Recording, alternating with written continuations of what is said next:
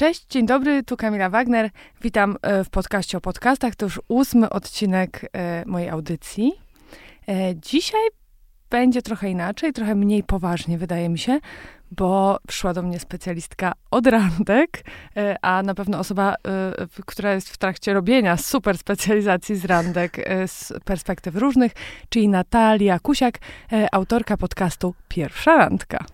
Dzień dobry. Nie mogę do końca obiecać, że tak nie będzie poważnie, bo faktycznie podcast ma tytuł Pierwsza randka i zaczęło się od randek, ale czym dalej w las, tym bardziej o relacjach i tym tak naprawdę pojawiają się coraz poważniejsze tematy, więc zobaczymy, gdzie nas to zaprowadzi.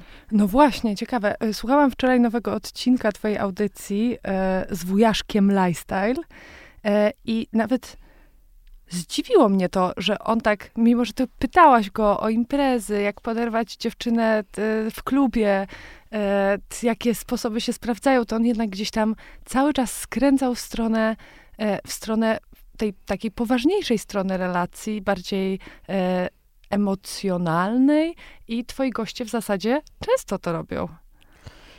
Um, tak, no tam się pojawia dużo takich tematów o tym, jak budować takie świadome relacje, jak y, budować relacje, które na wstępie już są trochę atypowe.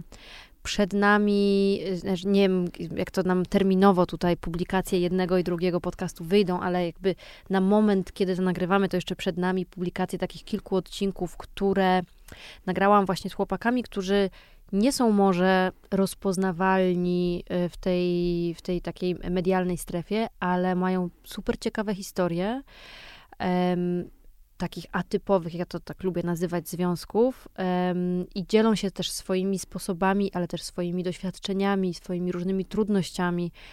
Um, więc faktycznie w dużej części tych odcinków zaczyna się lekko i zabawnie i zaczynamy faktycznie od takich lekkich tematów, a później jakoś tak wychodzi naturalnie po prostu, że idziemy gdzieś w jakieś głębiny takie. No, są to często takie historie, którymi oni chcą się dzielić też z jakiegoś powodu, więc...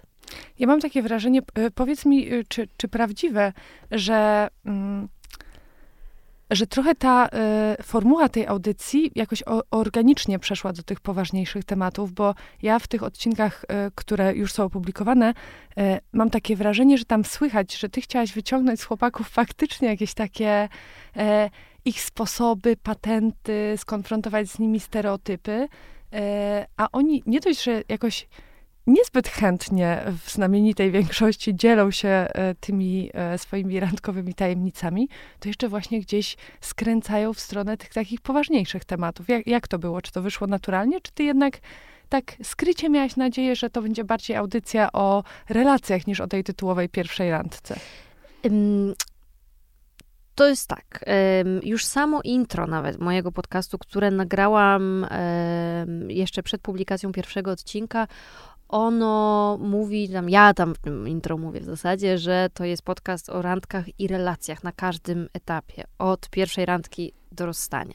Więc z założenia um, to miało być takie wielopłaszczyznowe, um, ale też te pierwsze odcinki są trochę inne od tych, które nagrywam teraz. Myślę, że też dlatego, że ten podcast trochę się zmienia razem ze mną i trochę ewoluuje wraz z tym trochę też, jak moja sytuacja się zmienia, więc ym, na początku miałam pewnie taką listę pytań, zagadnień i zażaleń trochę, które chciałam bardzo wyjaśnić po prostu z płcią przeciwną.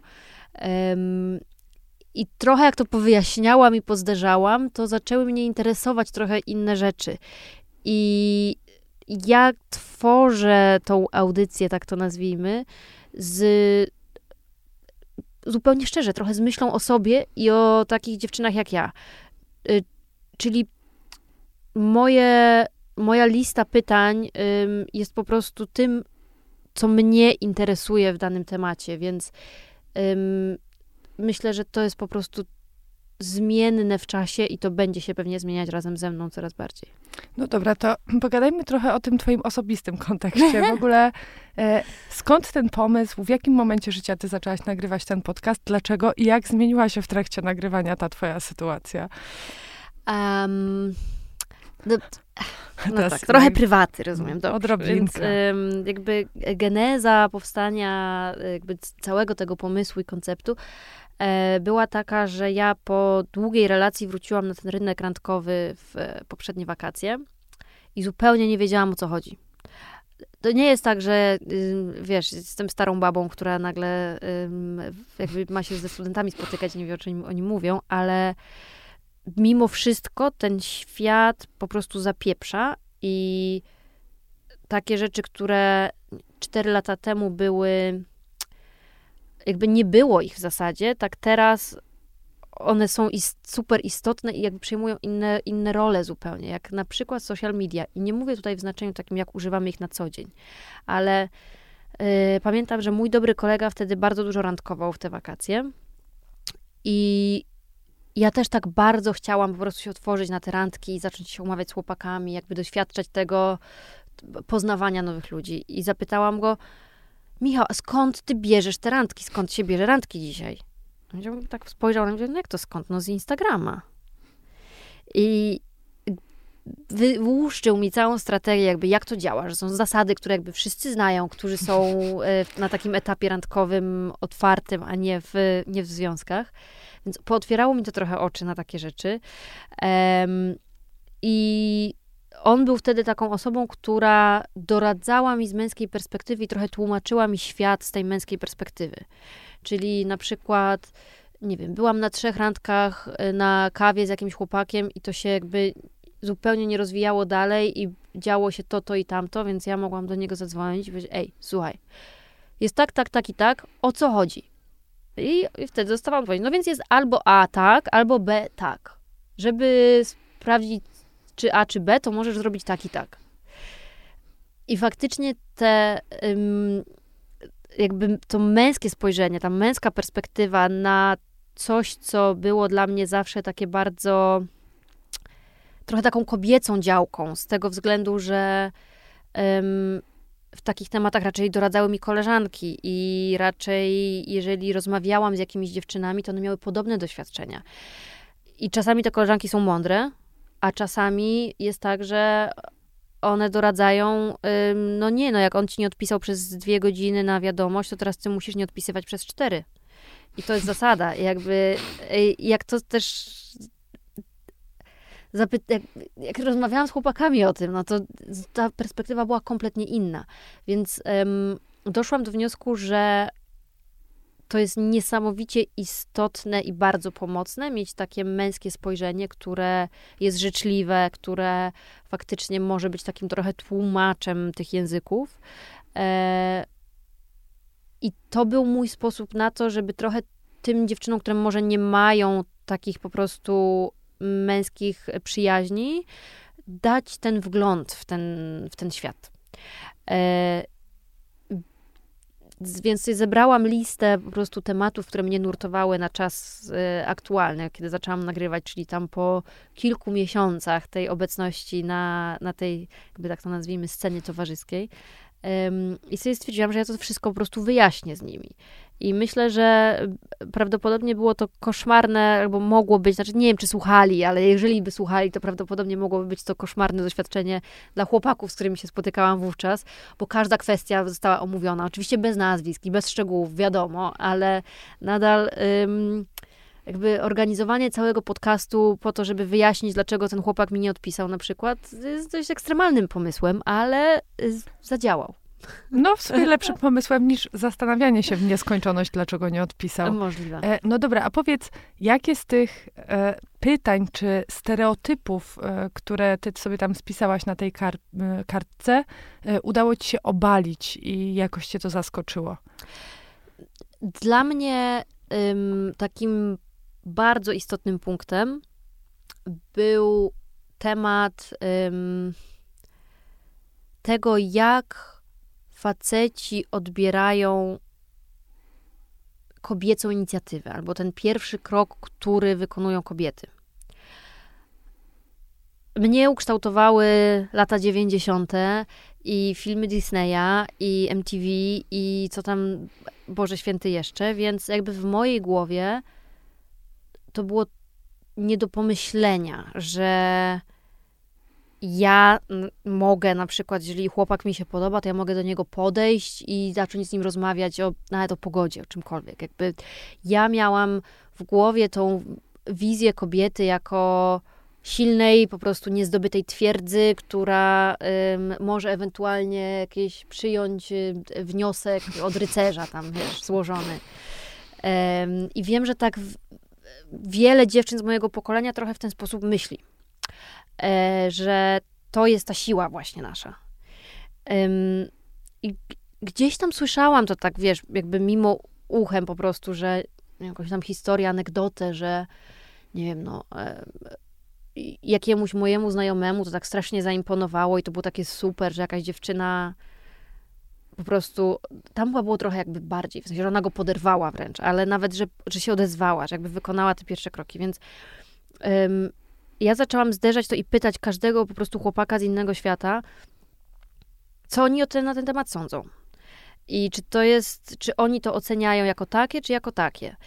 I faktycznie może to była ta metoda po prostu tego, że coś było, ja musiałam coś słyszeć 10 razy, ale faktycznie to zmieniło w moim jakby postrzeganiu tej sytuacji bardzo wiele. I dostaję nadal sporo wiadomości od dziewczyn, um, których nie znam, ale które słuchają tego podcastu, które piszą do mnie, że to może brzmieć jako nieważne, nieistotne, głupie, cokolwiek, ale że jakby dało im to taką, takiej, dodało im to takiej odwagi do tego, żeby być w życiu w ogóle sprawczym, żeby decydować samemu o tym, co jest dla nich dobre i nie czekać na to, że po prostu, czy ktoś się zjawi, czy po prostu coś się wydarzy. I te historie są przeróżne, czyli czasami albo nic tego zupełnie nie było, a czasami jakby piszą do mnie, że na przykład spotykają się z jakimś chłopakiem do tej pory, czasami jest jakaś wielka miłość, yy, ale za każdym razem jakby to poczucie takiego stanięcia na własnych nogach i tej siły takiej, że tego, że to podejmowanie decyzji za siebie i ta sprawczość i ta po prostu nie oglądanie się trochę na innych i na to nie myślenie o tym, co inni pomyślą, um, że zmienia to dużo, podobno. E, no, łatwiejsze w teorii niż w praktyce. E, czyli, czyli pewnie łatwiej nam e, przyjąć, że faktycznie jakby to jest spoko, e, ale trudniej już e, to jakoś wdrożyć do życia. Czy ty zaczęłaś podrywać chłopaków? Może podrywać to jest duże słowo, ale jakby zdecydowanie zmieniło to we mnie dużo. I tak jak mówię, może to była ta strategia, po prostu, że ja to musiałam usłyszeć tak mhm. wiele razy. Ale y, no miałam taką historię w styczniu, że kiedy już po tej pierwszej takiej intensywnej sesji nagraniowej, kiedy gdzieś tam we mnie zaczęły kiełkować te różne rzeczy, e, jakby było to dla mnie totalnie spoko, że kiedy byłam na, gdzieś na wyjeździe, na imprezie i jakby rozmawiałam z jakimś chłopakiem i już wychodziłam podeszłam do niego i powiedziałam, to jest mój numer telefonu, jutro się zobaczymy w takim razie. I jesteśmy ze sobą do dzisiaj, jak na razie, więc ym, ja sama byłam zdziwiona, że dla mnie to było tak totalnie jakby spoko i naturalne i faktycznie to tak zadziałało. Ale później ta anegdota jakby w towarzystwie tam znajomych była jakby opowiadana wiele razy i nadal jest. I wszyscy jakby jego koledzy, którzy słyszą tę historię, mówią, Jezu, jakie to jest super. No wiadomo, Ekstra. że super, przecież każdy lubi być poderwany, tak? To też zdejmuje z ciebie odpowiedzialność jakby zdobywania kogoś e, i no, no, no i jest miłe. E, tylko e, wiesz, z jednej strony to, co ty udowadniasz, to zdejmuje z dziewczyn takie napięcie, że muszą, się, muszą siedzieć i czekać, a z drugiej strony e, jakoś e, no, też jest pewnym dyskomfortem, tak? Bo już nie mogą dłużej siedzieć i czekać, no. Już nie mogą sobie na to pozwolić, właśnie muszą się te sprawy w swoje ręce. Więc... Wiesz, myślę, że chodzi przede wszystkim tutaj o to, żeby wiedzieć, czego chcemy. Żeby nie udawać niczego. żeby nie udawać niezainteresowanej na Boga, jeżeli ktoś nas interesuje. I bo to naprawdę nie ma sensu.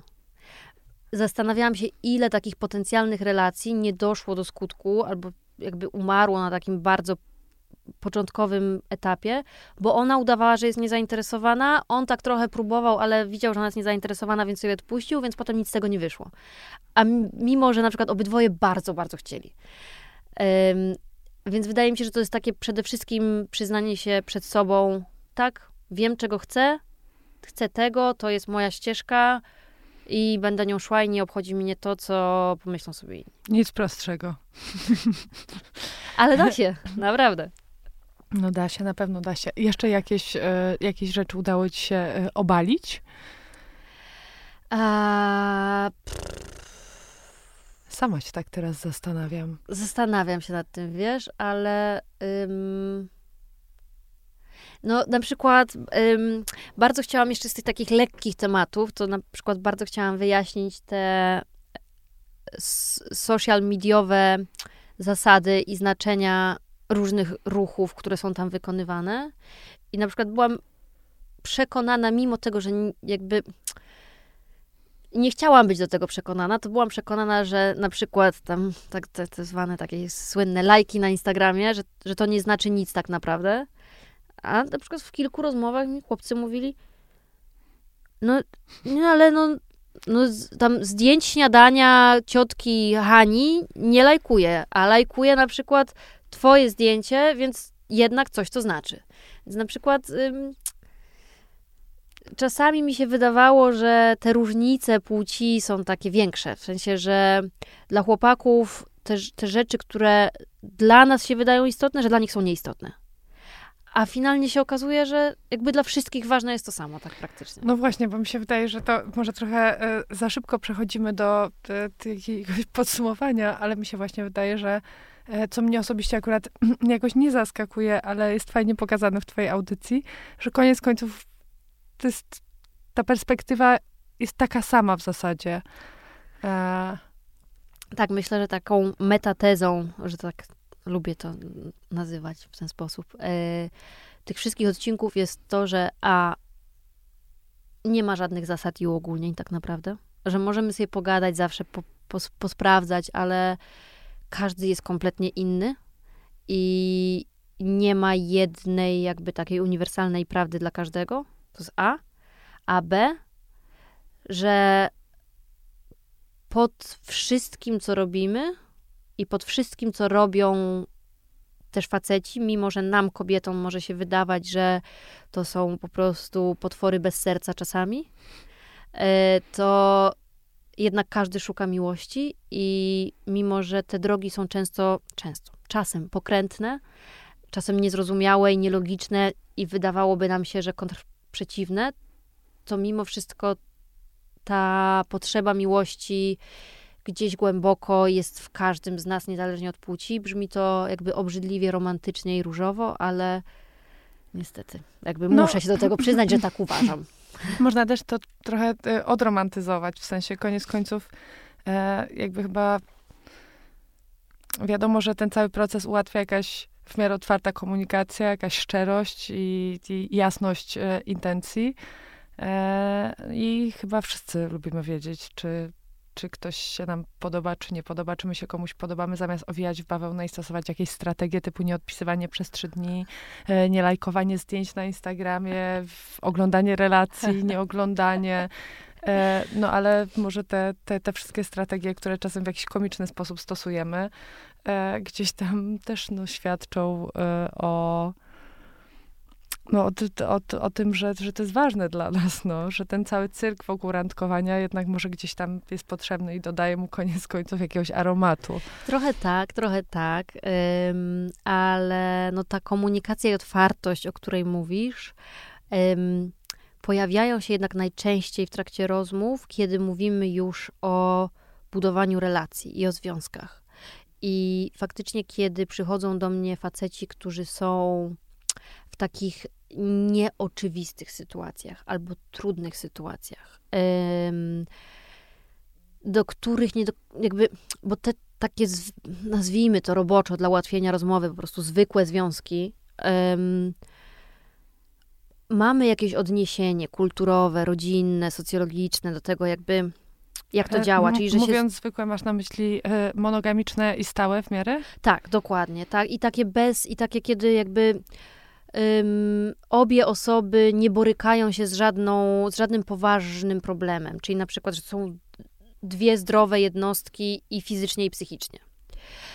E... To, mało jest takich związków. um, z tego, co widzę i też czuję, wydaje mi się, że często po prostu jakby, kiedy się już spikniemy, że tak powiedzmy, i jakby już sobie tak, dobra, dobra, no to jesteśmy jakby w związku, to idziemy jakby do przodu z jakiegoś takiego trochę automatu, czyli odtwarzamy trochę role, które widzimy naokoło, um, przyjmujemy jakieś zasady, które są gdzieś tam na zewnątrz, a te relacje, które właśnie muszą się mierzyć z tym, że ktoś jest aseksualny, ktoś jest y, poliamoryczny, ktoś ma poważną chorobę, ktoś ma poważne zaburzenie. One nie mogą iść tym automatycznym trybem, więc tam ta rozmowa i otwartość jest takim totalnym fundamentem. I to jest piękne, że przychodzą do mnie tacy faceci, którzy jakby widać, że dla nich te relacje, które budują, są takie turboważne. I opowiadają mi o tym, że faktycznie jak się okazało, że ta relacja nie będzie taka hop super prosta, to podjęli tą decyzję wspólnie ze swoją partnerką, że istotna jest dla nich komunikacja, szczerość, otwartość, rozmawianie o emocjach. I mają na to takie, takie, takie i takie sposoby. I to przegadywanie, ustalanie, negocjowanie, jakby za każdym razem sprawdzanie, co druga osoba czuje, co ja czuję, rozmawianie o tym i ustalanie tych wspólnych ścieżek, które są inne niż te, które znamy, że to jest to, co pozwala im tworzyć takie stabilne związki, mimo tego wszystkiego, co się dzieje dookoła. I to jest w pewien sposób piękne, i myślę, że ta otwartość i rozmowa faktycznie wychodzi głównie przy tych tematach takich trochę poważniejszych. No też e, w badaniach e, jasno widać, że związki czy nieheteronormatywne, czy e, osób z niepełnosprawnościami są bardziej udanymi związkami niż takie statystyczne, o jakich, o jakich mówiłaś.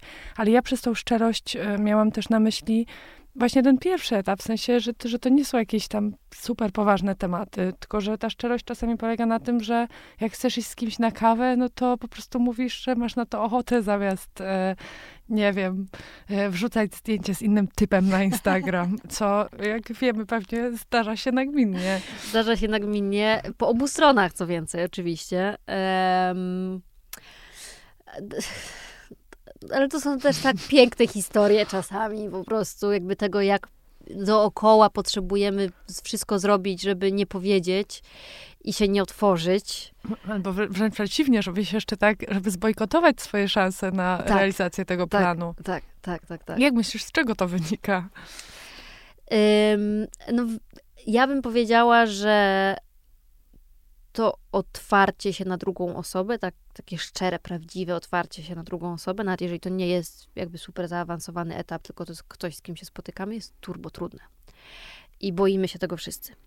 I wydaje nam się, że to odsłoni nas na jakby milion różnych sposobów i, i boimy się tego. I,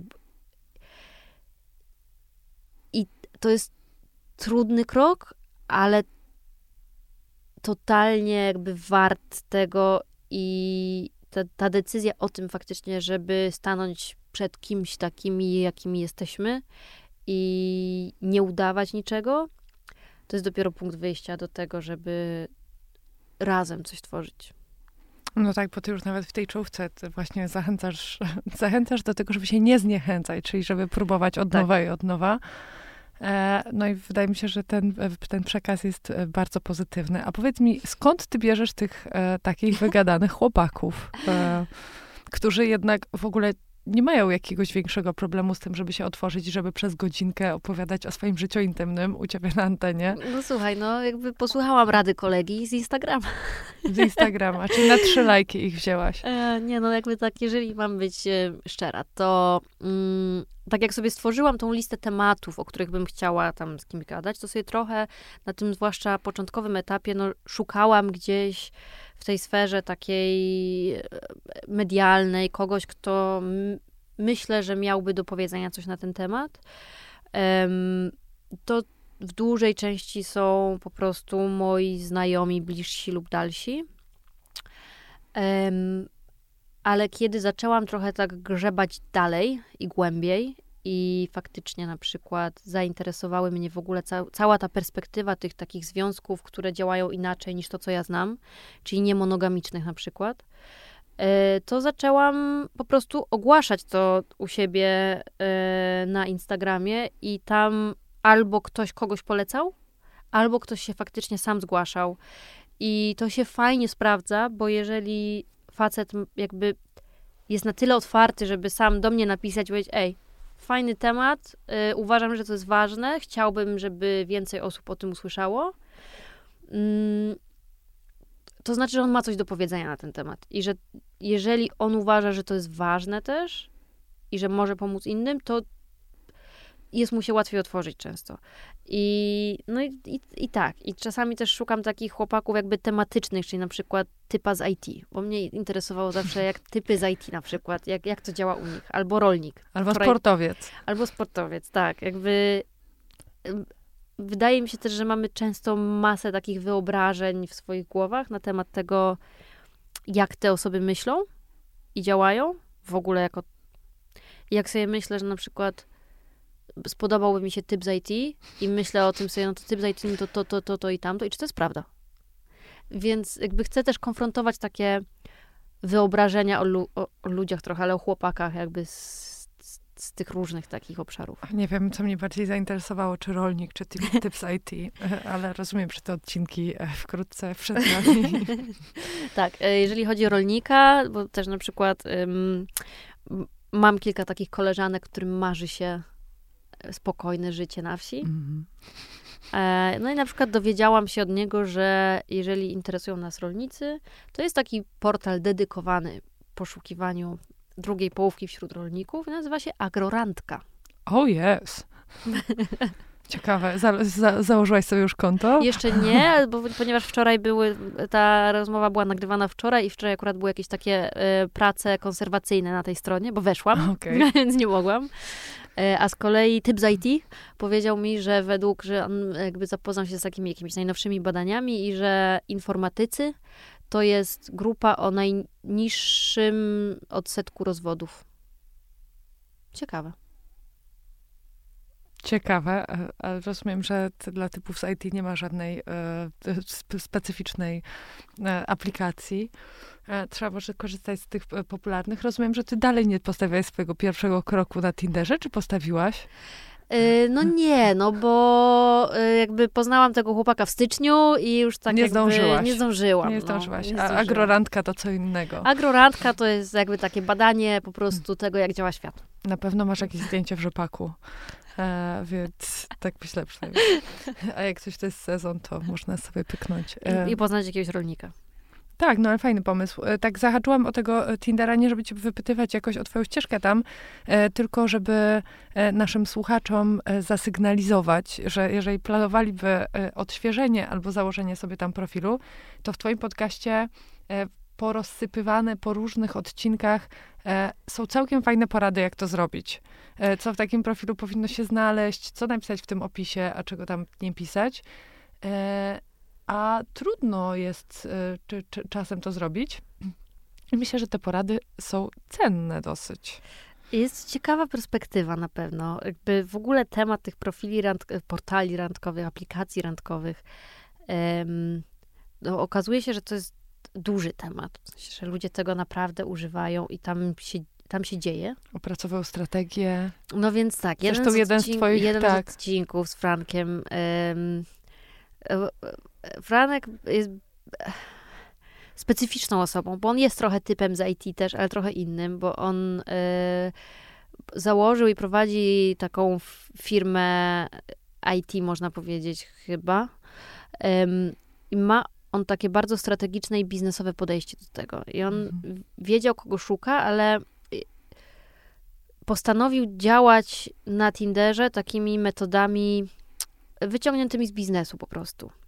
Czyli założył, że jakby najważniejsze to jest zbudowanie tam jakby świadomości marki, mhm. więc zadbał o to, żeby jego profil się wyświetlał jak najczęściej lejek marketingowy. tak, później jakby cała jego strategia tego, jak wygląda jego profil, też była trochę, miała takie odniesienia właśnie, co jakby każda rzecz znaczyła coś, tam nie było niczego przypadkowego. I później bardzo się dziwił, że jakby to nie do końca działa. Jak przepytałam go z tego, to jak on, co on pisze do tych dziewczyn, to trochę jakby zrozumiałam, dlaczego to nie działa ale historia ma happy end, ponieważ on znalazł na tym Tinderze ukochaną, jest bardzo zakochany teraz i jest świetnie. No tak, to się stało szybko miłość. chyba, zaraz po wizycie w twoim podcaście, tak. bo, bo chciałam, że ogłaszałaś e, na Instagramie, że jakby ktoś był zainteresowany, no to już przepadło. E, więc y, te, a któryś z twoich gości jeszcze po tej audycji może znalazł sobie nagle drugą połówkę ni stąd, ni zowąd? Um, może jak... powinnaś otworzyć jakieś takie audiobiuro matrymonialne. To tro, jakby z tego, co rozmawiam, z, zwłaszcza z tymi chłopakami, których znam trochę lepiej, to trochę tak to działa podobno. Zwłaszcza w warszawskim środowisku, bo to są jednak w większości chłopcy z Warszawy. I ym, no, opowiadają mi, że do tej pory na przykład dostają, jak był na przykład właśnie odcinek o o tym, jak poderwać kogoś na Instagramie, to dostają te trzy lajki, o których rozmawialiśmy do tej pory i na przykład oni wysyłają wiadomość w odpowiedzi, czy słuchali podcastu. Czy dziewczyna słuchała podcastu. Albo y, chłopak inny opowiadał o tym, że on jest w zasadzie, wydaje się bardzo taki odważny, ale jest wewnątrz bardzo nieśmiały i jemu się marzy, żeby podeszła do niego dziewczyna albo napisała i zapytała, czy pójdzie z nią, pójdzie z nim, z nią na drinka. I na przykład dostaje do tej pory jakieś wiadomości na Instagramie, ej, czy pójdziesz ze mną na drinka? I potem na przykład on odpisuje, czy słuchała podcastu i ona, co? Nie, o co chodzi? Więc może to jest jakaś samo spełniająca się przepowiednia w ich głowach, ale ym, podobno no jednak ponad 80% y, osób słuchających podcast to są kobiety w większości z Warszawy, więc myślę, że to jest ciekawa wizytówka, wiesz, jak ktoś ci się podoba i od razu masz całą godzinną rozmowę na temat tego, jak działa jego mózg i jak Bardzo buduje relacje, to jest takie dosyć, jakby masz od razu trochę, jakby wiesz, z czym grasz później. Bardzo niebezpieczne e, moim zdaniem, ale e, to też jest dowód na to, że e, no chyba po prostu warto jakoś tak ogłosić swoją gotowość. E, Totalnie tak. I po prostu tak czasem uważam. wystarczy powiedzieć, że się kogoś szuka i tak. wszystko się staje łatwiejsze, a my się często chyba e, jakoś tak kulturowo krygujemy, że nikogo nie potrzebujemy tak. i w ogóle jesteśmy tak. tacy niezależni. I się skupiamy tam... na sobie i w ogóle mhm. nie potrzebujemy niczego, a tak naprawdę tam serduszko już chciało z kimś oglądać filmy i siedzieć pod kocem i coś tam, i coś tam. I no jak tak ogłaszamy na prawo i lewo, że w ogóle nikt nam nie jest potrzebny, no to, to jest też jakaś taka bariera przebicia się potencjalnych kandydatów. No tak, dosyć no. jasny to jest sygnał. Prawda? W obie strony tak w sumie naprawdę. trudno się skusić w takiej sytuacji, czy odważyć. E, no dobrze, jest to mega ciekawe. E, ja słucham twojego podcastu z zapartym tchem co tydzień, tak? Bo ty, ty trzymasz się ty, cały piątki, czas tego... Piątki, dni randkowe, więc w piątki rano jest nowy odcinek. O kurde, właśnie. Myślałam, że w sobotę. No ale dobra, muszę sobie ustawić e, przypomnienie na piątki. E, rozumiem, że e, twoja zmiana e, sytuacji e, matrymonialnej e, w ogóle w żaden sposób nie zniechęca cię do, do prowadzenia tej audycji dalej. Absolutnie nie. absolutnie nie, bo uważam, że czym dalej w las, tym ciekawiej. I um, to, że sobie możemy porozmawiać tam o podrywaniu się i pierwszych etapach z chłopakami, fajne, ale jeżeli sobie możemy porozmawiać z nimi o tym, jaka jest, jakie jest ich spojrzenie na takie związkowe sytuacje i problemy. Um, jeżeli my się czegoś uczymy w relacjach i jak oni na to patrzą i mi się wydaje, że to jest po prostu niewyczerpane źródło, tak naprawdę. tematów? No, wydaje się być faktycznie dosyć e, niewyczerpane, bo, bo naprawdę od e, jakichś chociażby e, takich super praktycznych porad, nie wiem, pomysłów na tą pierwszą randkę, e, czy lepiej iść na boks, czy drużynowo grać w piłkę, czy spoko jest iść na basen, e, czy jakby chodzenie do drogich knajp e, na pierwszej randce to zawsze dobry pomysł, etc., etc. E, dochodzisz do jakichś bardzo poważnych rzeczy, chociażby, nie wiem, podnoszeniu się po rozstaniu, albo właśnie wracania na ten e, rynek randkowy już w ogóle w zupełnie innym świecie, tak? E, no, załóżmy, że ktoś mm, był w związku na przykład, nie wiem, powiedzmy przez 4 lata e, i co? I nagle, I nagle wraca, a tu po prostu te trzy lajki, Tinder, już nikt nie używa słowa randka. e, no bo też pokazujesz gdzieś tam jakieś i różnice takie pokoleniowe tak. e, i no strasznie duży to jest temat, strasznie dużo informacji, e, a wydawałoby się, że, że to jest jakieś proste. Tak, no, ale wydaje mi się, że finalnie naprawdę chyba najważniejszy jest ym, ta perspektywa, którą się zyskuje na to, że to są też kurde ludzie. Bo ja wiem, że to może brzmieć zabawnie dla na przykład chłopaków, którzy tego słuchają. Haha, w sensie, że, że chłopak też człowiek, ale naprawdę jak mamy grupę singielek, koleżanek przez jakiś dłuższy czas i, i opowiadamy sobie te historie, z którymi my się mierzymy i sobie mówimy, jaki to on, ten jest, a jaki tamten, a jaki mhm. tamten i dlaczego wszyscy są beznadziejni, to nam się naprawdę może wydawać, że nie mając dostępu do tej drugiej strony, yy, do tego, jak myśli, jak czuje, to naprawdę nam się może wydawać, że oni wszyscy mają złe intencje, im chodzi tylko o łóżko na przykład, albo tylko o to, żeby kogoś skrzywdzić, albo w ogóle nie są wszyscy niezdecydowani, albo wszyscy nie przeszli terapii, albo I przede ogóle... wszystkim wszyscy są, wszyscy są tacy sami. Wszyscy są tacy sami, dokładnie. Wszyscy są tacy sami. Więc ym, wydaje mi się, że to jest ta najważniejsza perspektywa naprawdę, że facet to jest też człowiek, no, taki jak my. Bardzo to jest, e, że tak powiem, optymistyczny i odkrywczy akcent na koniec. A powiedz mi, czy ty miałaś jakąś podcastową e, inspirację do tej audycji? Czy ty w ogóle jesteś słuchaczką podcastów? No więc, jeżeli mam być szczera, to nie do końca. W sensie nie do końca miałam inspirację. E, jak tam mówią badania, jak się ostatnio dowiedziałam, tam statystyczna osoba, która słucha podcastów, słucha około dwóch. U mnie to się sprawdza i ja słucham zupełnie jakby kompletnie innych rzeczy niż, niż prowadzę sama. I w zasadzie to nie była żadna taka świadoma decyzja. Po prostu mnie takie rzeczy interesują. No dobra, ale jakie są nie te wiem, dwa podcasty, z, z czego słuchasz? to wynika? Więc ja słucham ym, namiętnie działu zagranicznego, który jest taką niewyczerpaną po prostu, e, niewyczerpanym źródłem wiadomości, informacji, jakby tłumaczeniem tego, jak działa świat i dlaczego się dzieje to, albo dlaczego się dzieje tamto.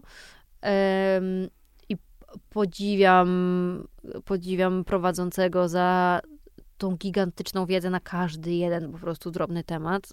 Um, I uważam, że to jest jakby najlepszy podcast w Polsce i słucham yy, podcastu Justyny Mazur, Piąte Nie Zabijaj, bo i po prostu mnie to potrafi tak wciągnąć niesamowicie, że przestaję myśleć o czymkolwiek innym, tylko słucham jej opowieści i jej z kolei umiejętności storytellingowe i to, jak potrafi budować napięcie, jak, jaki gigantyczny research robi do każdego programu, do każdego odcinka, czyli w zasadzie jest to moje przeciwieństwo, um, niesamowicie mi imponują to raz. A, research życia. A dwa, y, po prostu jakby ta magia tego magnetyzmu jej podcastu jest dla mnie naprawdę niesamowita. Niesamowita. Zresztą e, mogę odesłać też e, do e, drugiego odcinka podcastu o podcastach, bo Justyna była moją gościnią e, wspaniałą. E, I ja też muszę powiedzieć, że zaczęłam słuchać jej podcastu y, przed naszym nagraniem, bo, e, no bo zastanawiałam się, na czym polega ten fenomen. No już nigdy stamtąd nie wyszłam. To tak Przepadłam jest. w świecie kryminalnych zbrodni, no ale trochę mnie zaskoczyłaś, że takie mało lifestyle'owe e, treści. Czyli to jednak podcasty to jakaś odskocznia taka dla ciebie, zmiana to, kompletnie tematu? Myślę, że to ma kilka źródeł, nie podstaw. pierwsza jest taka, że to moje życie na co dzień jest takie turbo intensywne. Um, czyli ja potrafię sobie niestety zaplanować kalendarz od 6 rano do 22 i, i mam takie dni, kiedy to są naprawdę takie totalnie. To, to jest pęd. I w takie dni to, co mi trochę pomaga wracać do siebie poniekąd, to jest y, raczej muzyka. A w te dni z kolei, które, to jest chyba po prostu taka, jak, jak ktoś mi kiedyś powiedział, strategia pracy y, sprintami. Y, a w te dni, kiedy, kiedy mam trochę z kolei wolnego, to, to są książki. Y, więc te podcasty wchodzą w tą taką przestrzeń, której ja nie mam aż tak dużo, czyli na przykład y, dłuższych tras samochodem, robię jakby sprzątania, robienia czegoś w domu, y, kiedy mam gdzieś więcej czasu, więcej przestrzeni w głowie, ale mam coś do zrobienia, więc myślę, że to jest chyba przede wszystkim ten powód. A drugi jest taki, że ja kocham słuchać i czytać rzeczy, z których się dowiaduję um, o czymś, co jest mi nieznane i z których mogę się dużo nauczyć. I wydaje mi się, że, że to są takie właśnie treści trochę, trochę tego typu. Może to jest też, wiesz, ta obsesja taka bycia produktywnym cały czas. No i, na pewno. I, I wykorzystywania tego czasu do maksimum, więc czerpania jak najwięcej mogę nawet z tych takich sytuacji obok. Może to też to jest. Może A to, to czemu sama zdecydowałaś się na podcast? Na podcast, czy na podcast o tej tematyce? Nie, czemu zdecydowałaś się nagrywać akurat podcast? W sensie to mogło być przecież wszystko inne. Mogłaś robić jakieś wideo albo... Wiesz co, y, jakby taką nieznaną trochę historią z mojego życia zawodowego jest to, że ja kilka lat temu prowadziłam y, taki program, to nazwijmy, dla Wirtualnej Polski z wywiadami. I to nie była forma, która była spełnieniem moich marzeń. To znaczy, przy tych formach wideo jednak super istotne było to, żeby to było bardzo dynamiczne, żeby to była pigułka. Yy, ten montaż był bardzo dynamiczny i bardzo czasochłonny. Też sama obecność kamer, przynajmniej na tamtym etapie mojego życia, jak to pamiętam, była taka spinająca, bo trzeba było też myśleć o tym, jak się wygląda. Um, I to schowanie się za dźwiękiem było dla mnie po pierwsze jakby taką możliwością przejęcia pełnej kontroli nad tym, jak będzie wygląd brzmiał konkretny odcinek. To, że możemy stworzyć coś, co będzie trwało nawet godzinę i nie ma tej presji takiej bycia po prostu wszystkim w pigułce, tylko jest czymś takim spokojnym i trwającym. Um, Czyli to nie jest tak, że marzyłaś, żeby zostać podcasterką, tylko po prostu to była najlepsza forma e, do tego, co chciałaś zrobić. Tak mi się wydaje, tak mi się wydaje, że, że to jest to, no bo jakby, no bo, bo co, co mogłam jeszcze zrobić? Jakby to wideo, które jakby nie było dla mnie jakieś super, aczkolwiek powoli się oswajam z jakimś takim konceptem może wprowadzenia opcji wideo w moim podcaście, ale myślę, że to już jest też, ja jestem w innym miejscu, że już ta kamera przy takiej rozmowie, kiedy to trwa i trwa i, i, i to połączenie z gościem jest takie intensywne, myślę, że to już nie będzie mnie stresowało. Ale co jeszcze mogłam? No mogłam jeszcze pisać, ale uważam, że ta forma pisana jest trochę jednak też inna i gdyby ktoś miał słuchać jednak transkrypcji tej rozmowy, w sensie czytać transkrypcję tej rozmowy, to jednak nie byłoby to na tyle chyba fajne. Że jednak przy no, tych no, rozmowach z facetami nie. fajnie ich posłuchać. No fajnie też mieć te emocje w głosie i, i to jest jednak inaczej. Inaczej zdecydowanie. Poza tym podcast to podcast. Moim zdaniem nie ma nic lepszego niż, e, niż podcasty. E, więc cieszę się, że, że taką formę ma twoja audycja. E, I ja zapraszam wszystkich dalej do, do, do, do słuchania i ciebie. I też e, no już nie będę was tutaj zanudzać poleceniami, ale przygotowałam e, też taką uzupełniającą playlistę do tego odcinka. I to jest taka playlista stricte randkowa. e, znajdziecie na niej odcinki różnych podcastów, niekoniecznie takich o randkach, bo tych faktycznie nie ma zbyt wiele takich stricte e, randkowo-relacyjnych, szczególnie w Polsce, ale wybrałam trochę takich odcinków i o topach randkowych, i o e, happy endach randkowych, i o no, do wyboru, do koloru. To jest naprawdę mocna e, playlista, więc ją udostępnię gdzieś tam po publikacji e, tego odcinka, ale już polecam. No dobra, Natalia, bardzo Ci dziękuję i trzymam kciuki za. Bardzo dziękuję. Mam nadzieję, że mój aktualny um, entuzjazm nie jest zbyt różowy i taki. E, wiesz, że to jakby, że to jest do przeżycia jednak, to co opowiadam, ale. Um, no ale tak, no myślę, że po prostu to już jest czas.